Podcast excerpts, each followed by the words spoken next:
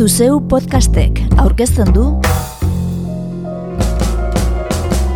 Urpeko bombarda anartz bilbaorekin.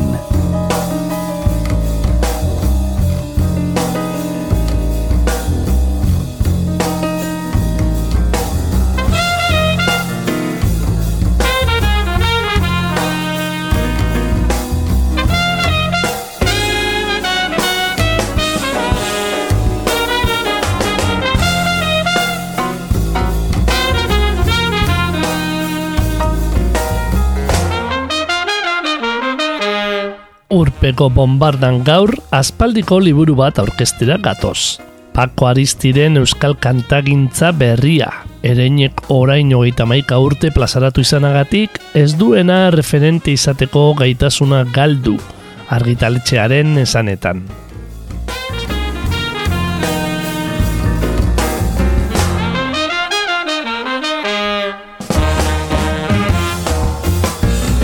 Mila bederatzirun da larogeita bostean plazaratua, urteak ziren euskal kantagintza berria agortuta zegoela eta zaleak eskean ari zirela. Gauza korrela, ereinek berargitaratu egin du orain. Jon Eskizabel kasetariak idatzi eta Iñaki aldeko editoreak goraipatutako itzaurre eta guzti.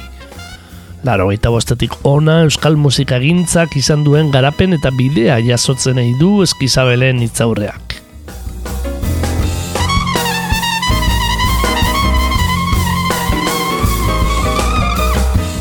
Ereinetxeak maiatzean egin zuen berargitalpenaren aurkezpena, oraindik itxialdian ginela, eta streaming bidez emititu.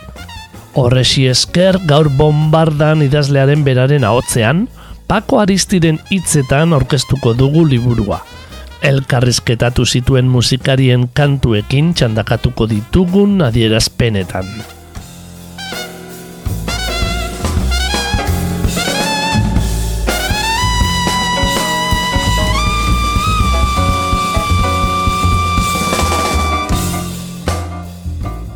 Pako Aristi, hogeita bat urteko kasetaritza ikasle gaztea zen Euskal Kantagintza berria argitaratu zuenean.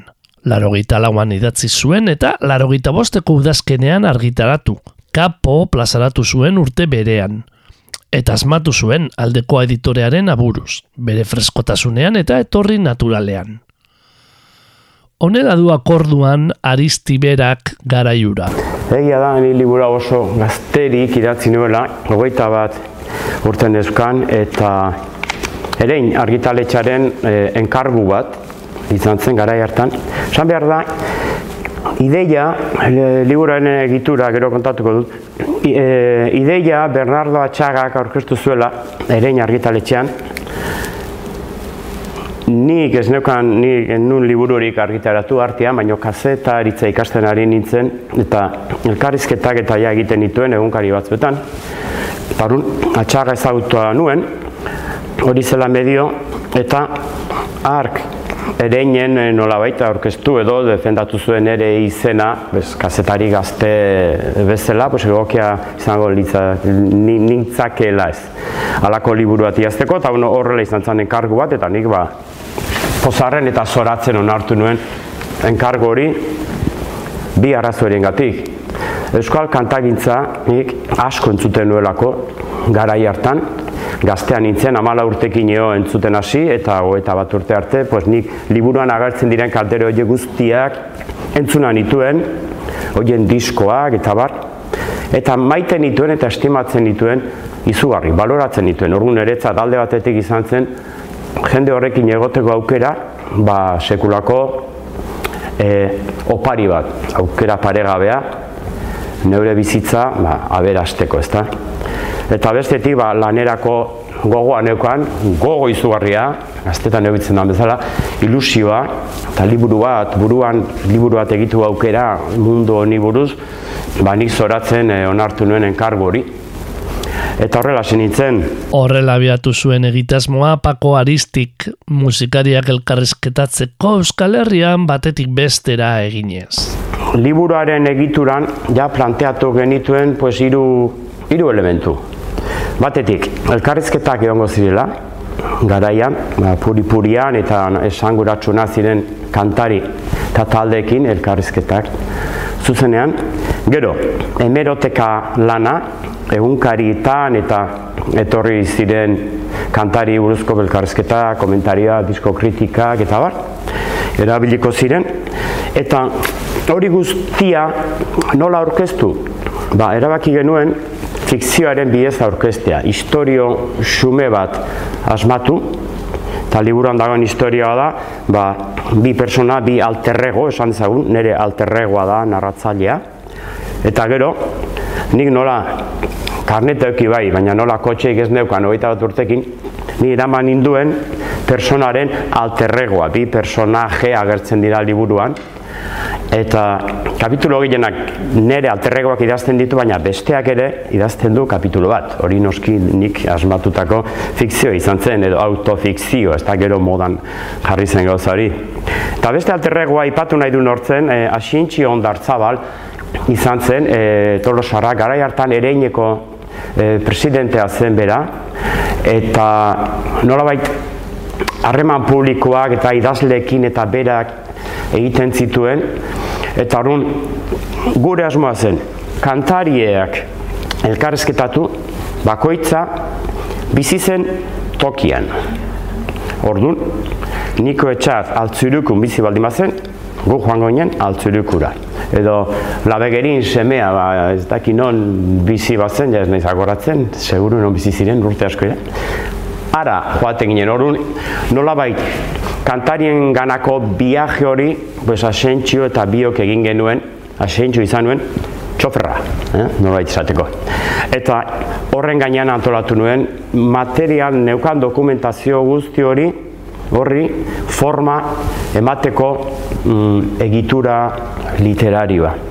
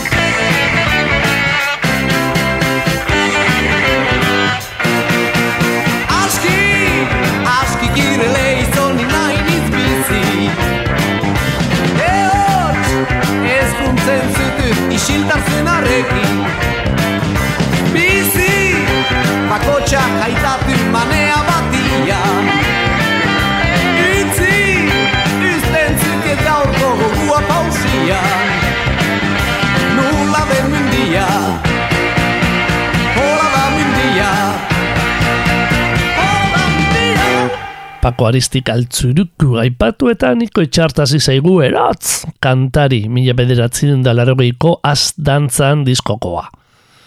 Euskal kantagintza berria liburura bueltatuta aurrestilarrak eredua falta zuela itortuko digu jarraian eta lanerako teknika zein aldizkaritik jaso zuen ere azalduko digu. E, bere idazten hasi eta bere ala hartu nintzen arazo bat banekoala eta zen e, erreferentzia falta. Inorketzuen olako liburu bat idatzi, Euskal kantagintza gara hartan oso indarzu zegoen, sozialki eragin handia zuen, jendearengan, politikarengan, frankismoaren azken urteetan, gero transizioa deitu izan den aro horretan, mm, euskal nortasuna, identitatea, maila askotan e, eragin eta presentzia izugarria zeukan euskal kantagintzak garai hartan, gaur egunean daukana, baino mila aldiz gehiago, eta oso gai e, garantzitsua zen eta apetit oso aldertatik, baina inorketzuen ezer idatzia horri buruz, ez liburu formatu batean behintzat. Orduan, referente falta horrekin ba nik zer egin nuen, ba sortu referente bat edo kontatzeko modu bat eta nire oinarria izan zen kontatzeko modu hortan oinarria izan nuen nik orduan kazetaritza ikasten nuen lehioan, nane Carmelo Landa eta beste irakasle majo batzu izan dituen eta haiek e, erakutsi ziguten Rolling Stone Ipar Ameriketan atean zen aldizkari bat zen, kazetaritza berritu zuena, eta hango erreportei batzuekin liburu bat atea zuen anagramak garai hartan. Los mejores reportajes de Rolling Stone, edo lako zerbait. Guri komendatzu ziguten eta nik liburura irakurri nuen, eta han aurkitu nuen esan nuen tapa, hau da, hau da bidea, nik liburu hau kontatzeko, eh, erabili behar dudan e, teknika narratiba edo teknika periodistikoa. Eta nola bai, Ipar Ameriketako kazetaritza berriaren parametroaietan idatzi nuen, edo saiatu nintzen idazten, ura imitatzen, Euskal kantagintza berriaren liburu hau. Rolling Stone hartan idatzi zuten beste beste Tom Wolf, Roman Capote, Gaita Lese eta beste asko. Eta nu zertzen teknika horren e, e, oinarria? Oso simplea.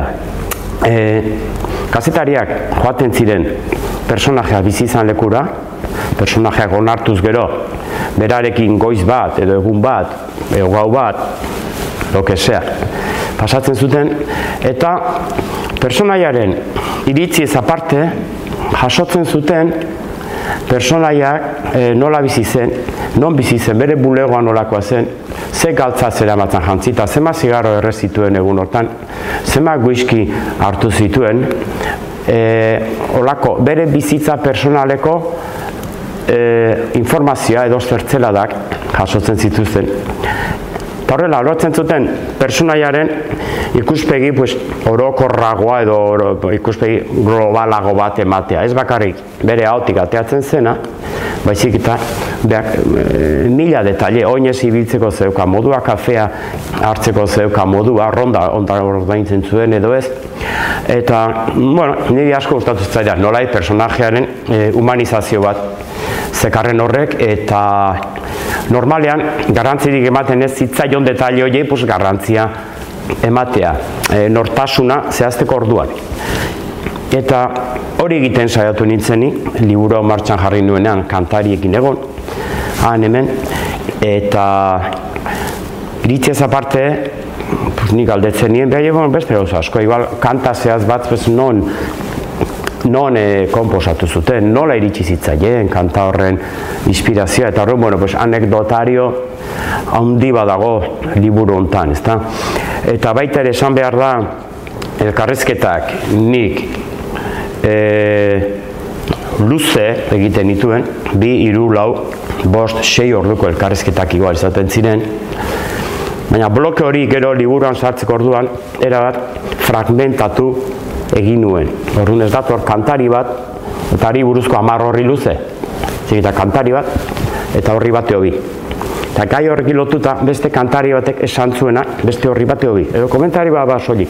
Dena fragmentatu nituen elkarrezketa horiek eta horrek benetan lana eman zidan ze pixka bat erotzeko ere bazen, gai bati buruz ikuspegi diferentea zeuzkalako, baina bueno, nire dut zitzaidan e, idazkera kaleidoskopiko hori, pues, egokia izan zitekela, eta batez ere irakurlea ez aspertzeko orduan.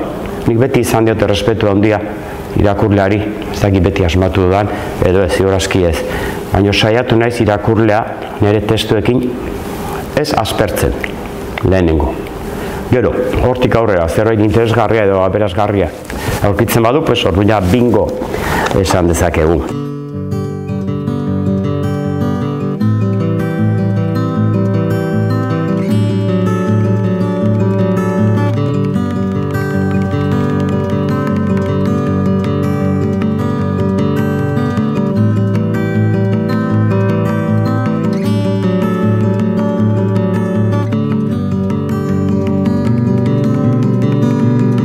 Goizeko euri hartian Aterkinari gabe. Eskuak sakelean. Pena bat bihotzian. Etxetik urrutinago kaletan bakarrik. Goizeko euri hartian Gitarra bakarrekin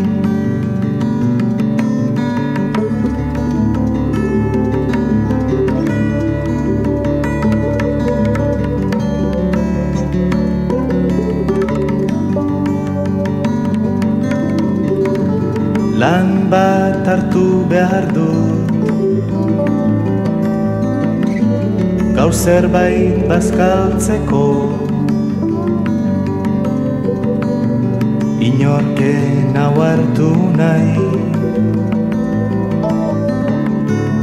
Arrotza naizeleko Kaletan abestu dut nere herriko kantak. Jendea zerbait utzi du. Goizeko euri artian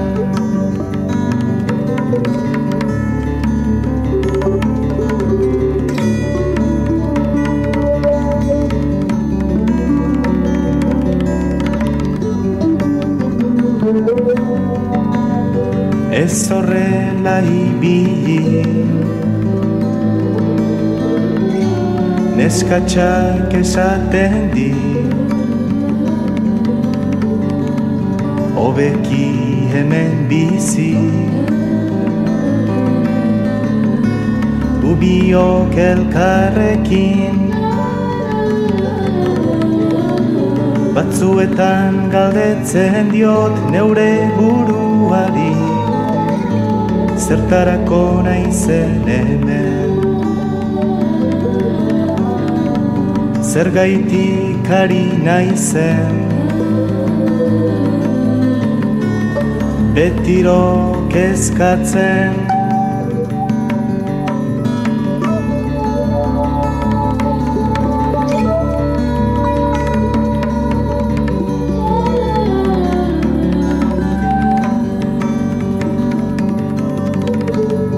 Baina aurrera joan behar du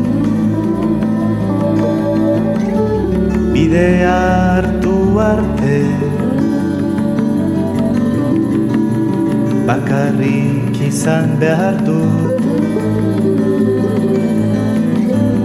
Hori iritsi arte. Eta egun on batian pozik ikusiko du Iguzkia agertzen. Goizeko euri artian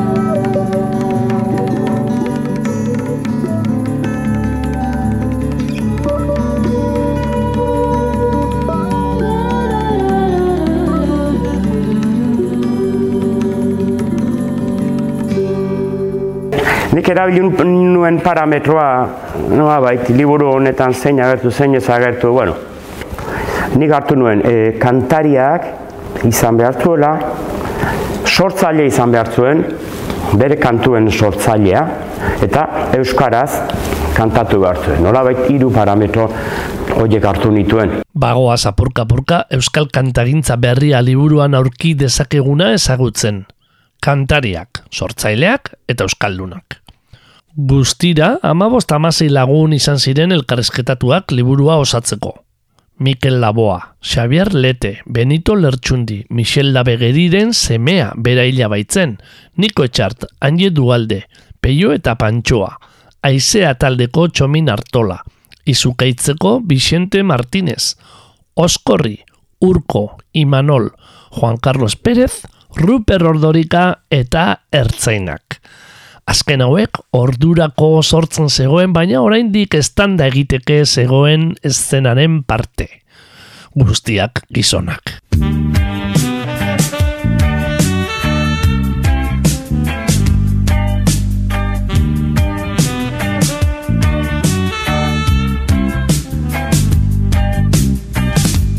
Ez dute zer, ez dute zer, ez dute zer inoiz, ez dute zer inoiz zuri esateko, zuri esateko, oiturazko egunkari eta irratiek ere, ez lukete obe egine, obe egine. Euskadin rock and rollak ez du inoiz dirurik emanen Inun baino alaiagoa izanen da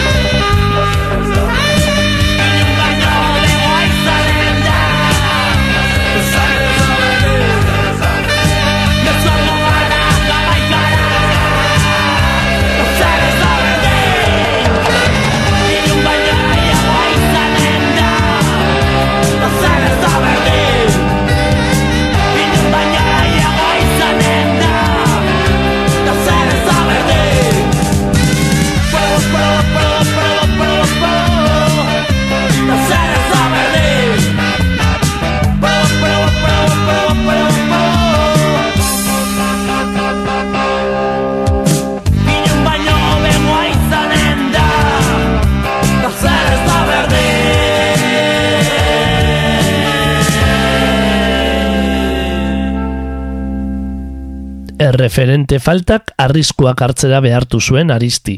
Errelato koherente bat emate aldera.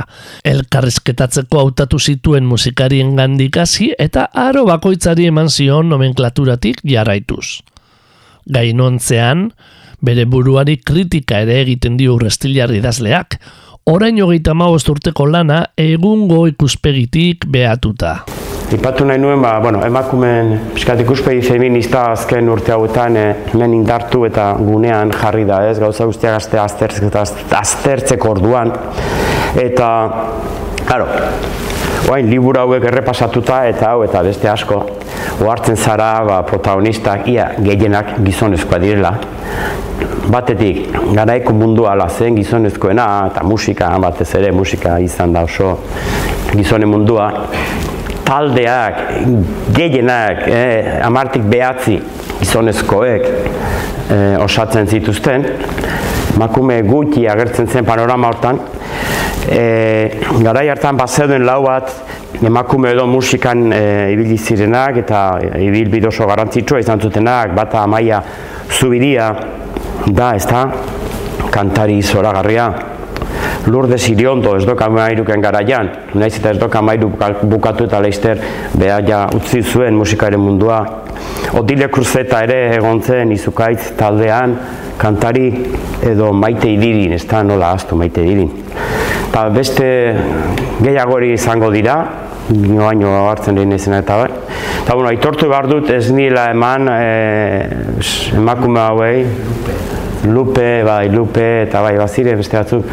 Eta, bueno, e, aitortu behar dut ez nire eman, pues, behar edo merezi zuten e, garantzia liburuntan, eta nola baita esan zake, ba, Liluratu nindutela, pues, kantar gizonezko puntako hauek hemen agertzen direna.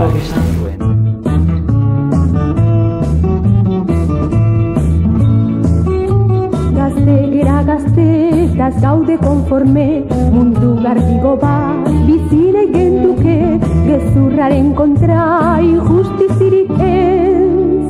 Gazte gera gaztetaz gaude konforme. Nere abestia ez da politika justizia nahi dut ekiak agertu gizonak daduzkan eskubide horiek. Kumplitu ditezen bihotz ez abestu ez noa inoren kontra ekia maite du. Gazte, gera gazte, eta ez gaude konforme Mundu garrigo bat, bizine gentuke Gezurraren kontra, injustizirik ez Gazte, gera gazte, eta ez gaude konforme. Gazte, gera lako, maitasun batean Sinistu nahi dugu, baina baita ere Gehiegi dakigu. Munduan dago zen Gezur eta gorroto injustizi asko Gauza hoien kontra dugu Gazte gera gazte eta gaude konforme Mundu garrigo bat bizi nahi genduke Gezurraren kontra injustizirik ez Gazte gera gazte, eta gaude konforme. Pako Aristik egindako aitortzaren ondotik, garai hartan urte bakarrean eunde irurogeita bi emanaldi izatera iritzi zen lurdez iriondo entzun dugu. Ez gaude konforme kantatzen. Aristik frankismo ostean estanda egin zuen giro kulturala jaso zuen liburuan. Hogeita bosturte inguruko tartea. Gerora gehiago ere torriko zirela pentsatuta. Hau da, beste lan batzuk, berak idatziak zuzendu eta osatzera, eta etorriko ziren garaien perri emango zutenak, baina ez ziren idatzi. Eta talde jakin batzuei edo epe bateko joera musikalei buruz liburuak argitaratu badira ere, ez da izan euskal kantu gintza bere osotasunean astartu duen lan berririk. Horrek mugarri bihurtu du euskal kantagintza berria, baina gure kulturaren gabezia bezala ere bizi izan du idazle urrestiarrak.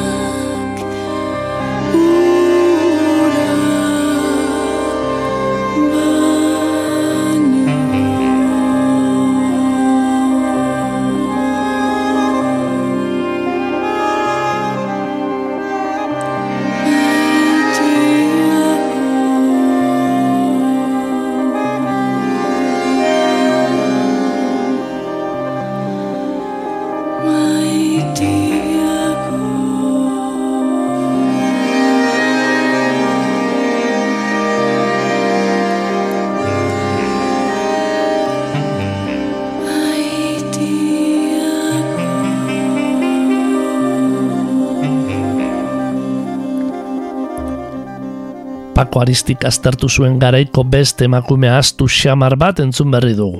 Amaia Zubidia. Itxasoan laino dago kantatzen. Pascal Gainerekin batera mila bederatziun da larogeita bostean plazaratu zuen egun argi hartan lanetik jasoa. Aristiren gana bueltan, idazleak aitortzen du jada ez duela gaztetan beste musika entzuten. Ez duela orduan bezala gaurkoa kitzikatzen, eta nekez egingo lukeela berriro antzeko lanik. Horretarako barru-barrutik sentitu behar duzulako naia, grina. Gainera, sasoi hartan, frankismo osteko euskal gizartean musikak zuen garrantziari buruzko osnarketa interesgarria ere egiten du Pako Aristik. Nik lehen pixka da ipatu dut, eh, euskal kantagintza nik garai hartan, e, euskal identidade bat osatzera zetorren arte bat bezala ikusten nuen. Ez da hartu ahaztu behar frankismoren garaian zentsura zegoela, sekulako debekuak zeudela, Euskal Herria, ideia beha difum, difuminatua zegoela. Orduan kantari hauek, bueno, irudia eman zioten Euskal Herriaren mapari berari ere. Eta ezagutu genuen Euskal Herrian bazela bastan eta bazela zuberoa eta bizkaia maite eta oso kantu batzuk oso geografikoak dira Euskal Herria jartzen dute hola.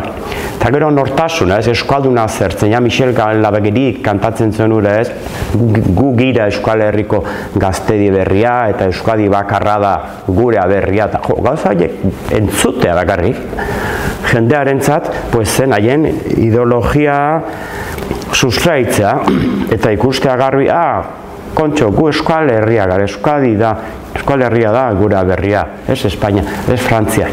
Funtzio, funtzio hori izan zuen, garai hartan kantagintzak. Eta gero, gai asko, garaia pilpilan den gai asko, gai sozialak, sentimentalak, e, politikoa, ba, kantatan ba, agertu egiten ziren, ez da, beti kantagintzak edo oso izartari, herri bati oso txiki egon den kantagintza batek, beti agertu izan ditu herri horretako kezkak, ez da? agertu egiten ziren. Jendeak buruz zekizkien hemen agertzen diren kanta asko jendeak buruz zekizkien ikasi egiten zituzten fotokopiatu egiten ziren kanta horiek eta hori dena nik uste dut azken urtegutan galdu egin dela jendeak buruz oraina kantak asko ez dakizki kantu berria bintza, zaharrak oraindik ere kantatzen dira, hor ikusten da kantu jira eta izaten denean, hor kantatzen diren kanta, ia gehienak, liburu ontako kanta dira, ez dire izan azken, bost, amarrutetan sortutako kantak. Ordu nik esan nuke, kantagintzak galdu duela mm, izartean presentzia, dudari gabe, baina baita ere, eskual nortasur edo identidadean eragina izateko ahalmena ere. Idazleak azpimarratzen duenez, garai hartan euskal musikak sekulako presentzia omen zuen edabideetan. Gaur ez bezala. Prentzan sortu berriak ziren, mila bederatzen derurogeita mazazpian edo, egin eta deia. Musikari buruzko gehigarri eta guzti. Irratietan asko jartzen zen euskal musika, eta promozionatu herri irratian eta garai hartan sortutako Euskadi irratian. Eta aldizkari bat ere batzegoen, muskaria. Pentsa, musikariek beraiek prentza dosierrik aragarriak luzatzen izizkioten aristidi, kritika, ipamen, argazki eta material ugarirekin.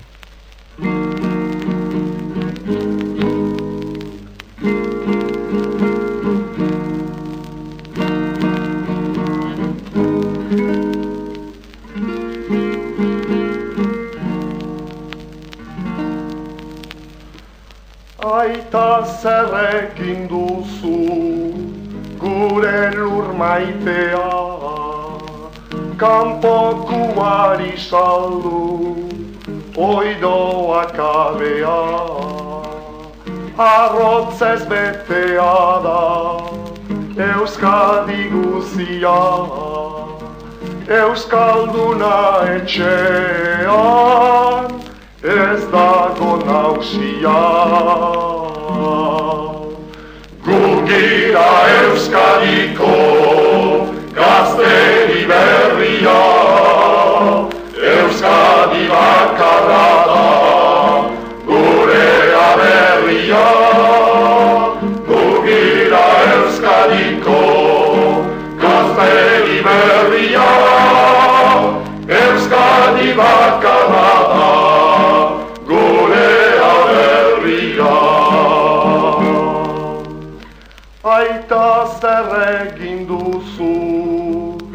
eskuara maitea Erdaran hasi duzu oi zure semea. Autasun ederrena aita batek galtzea Biotzean sartua dugu ahalgea Gugira Euskadiko gazteri berria Euskadi bakarra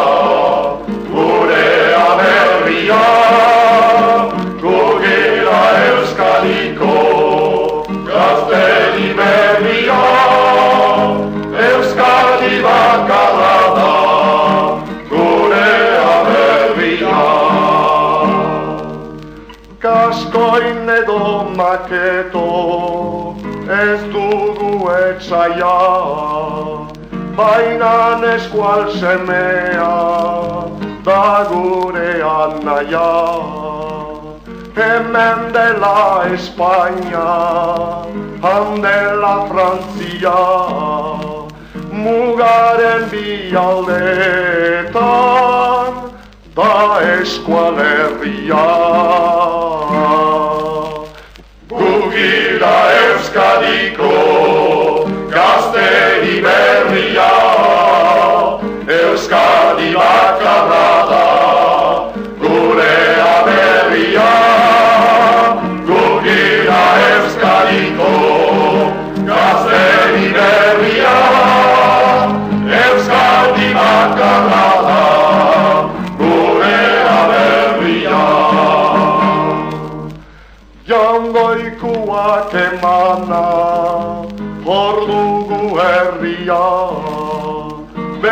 semek hiltzera zergatik utzia. Batekin behar dugu Euskadi guzia. Bildu gaiten anaiak gure da bizia. Gugila Euskadiko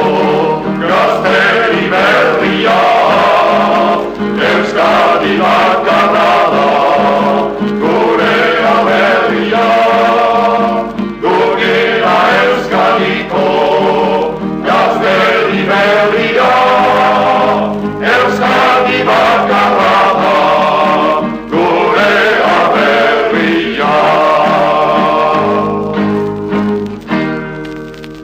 Iñaki Aldekoa editorearen eta Pako Aristi idazlearen aburuz lehen denonak ziren aipatutako kantariak, Euskaldun ororenak, funtzio kolektiboa betetzen zutelako.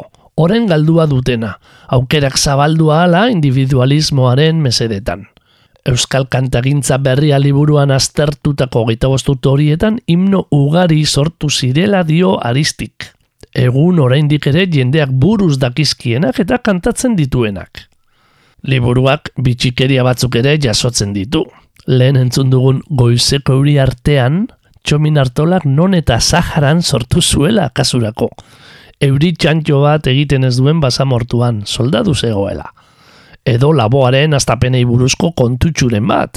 Gaurko urpeko bombarda bukatzeko, Pako Aristi beraren ahotzean entzungo duguna. Eta gogoan dut Mikel Aguak nola kontatzen duen estudiatzea zijoala Barcelonara trenean, eta trenean bera gitarra hartuta eta balpa jupankiren gauza bat ari zen kantatzen eta gizon bat etorri zitzaiola gabardina batekin eta handik atea zuela disko txiki bat ikurrina batekin, orduan dedekatua zeuen gauza, ego eskual herrian. Eta disko hori zen Michel Abegiriren disko bat. Eta eman ziola Mikel izan ez, tori hemen daukazu euskaraz Euskaraz kantatu behar duzu, Euskaraz kantatu nahi behar duzu, hemen dituzu. Euskarazko kantu berriak, eta pasazion diskori Mikeli eta Mikelek eskutatu zuen, eta Bartzelonara iritsi zenean bere pisuan diskori entzuten hasi zen, eta horrek aldatu zuen Mikelen eh, joera musikala hasi zen ja euskaraz aurretik eh, izango zuen asmoa hasteko baina referente batzuk behar dira, eh? Hortaz hitz egin dugu, eta Mikelek ja referente bat aurkitu zuen euskaraz kantatzeko. Labe geriren disko hura. Ez ezagun batek eman ziona, geroztik ez du jakin nortzen gizon hura, baina gizon ez ezagun ark eragina izan zuen Mikel Aguaren bilbide musikalean.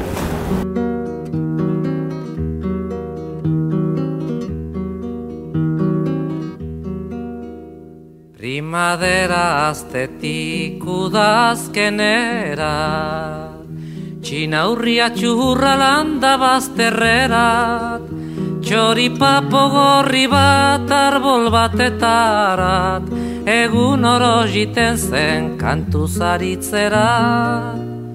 Txinaurria trufa irri egitera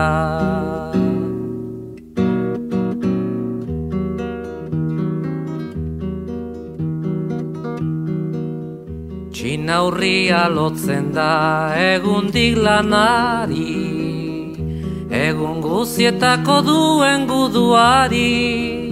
Karga ezin altxatuz nigarrez dari. Txoriak itzalpetik trufa eta irri. Txinaurriak derauko zerbait erran nahi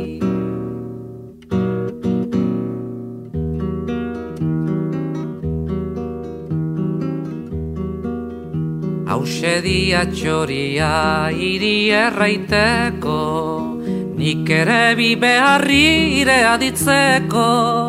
Kampuan baduk orain gauzainitz biltzeko Emazoko batea neguan jateko. Lanari lotzen baiz zaudolutuko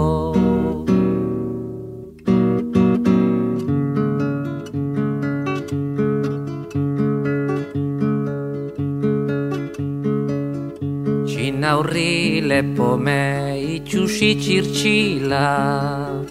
Ez naukeldu iganat ni deuseren bila Lanian ez dukari izia bila. Utzak utzakik ere lan hori ergela. Urte oro zeldu duk berdin ustarila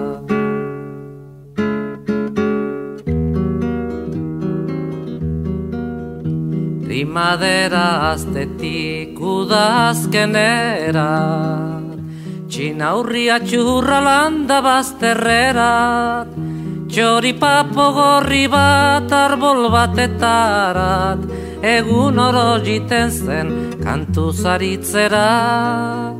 Txinaurria trufa irri egitera Entzun berri duzun saioa Donostia Kultura Irratiko Ispilu Beltza saiorako azpiatal gisa sortu genuen jatorriz. 2008ko itxialdian edo. Eta orain berreskuratzea otu zaigu.